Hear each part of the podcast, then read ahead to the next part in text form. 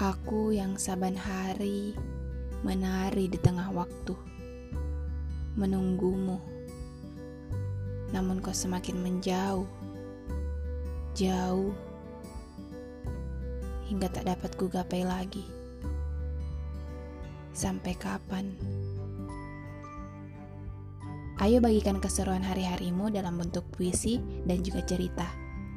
Puisi dan cerita orang lain juga menarik loh untuk kita bagikan. Bagi perempuan, puisi adalah suatu seruan untuk kita mengungkapkan rasa sedih, senang, bahagia, cinta, resah, segala hal tentang perempuan dan rasanya ada dalam puisi.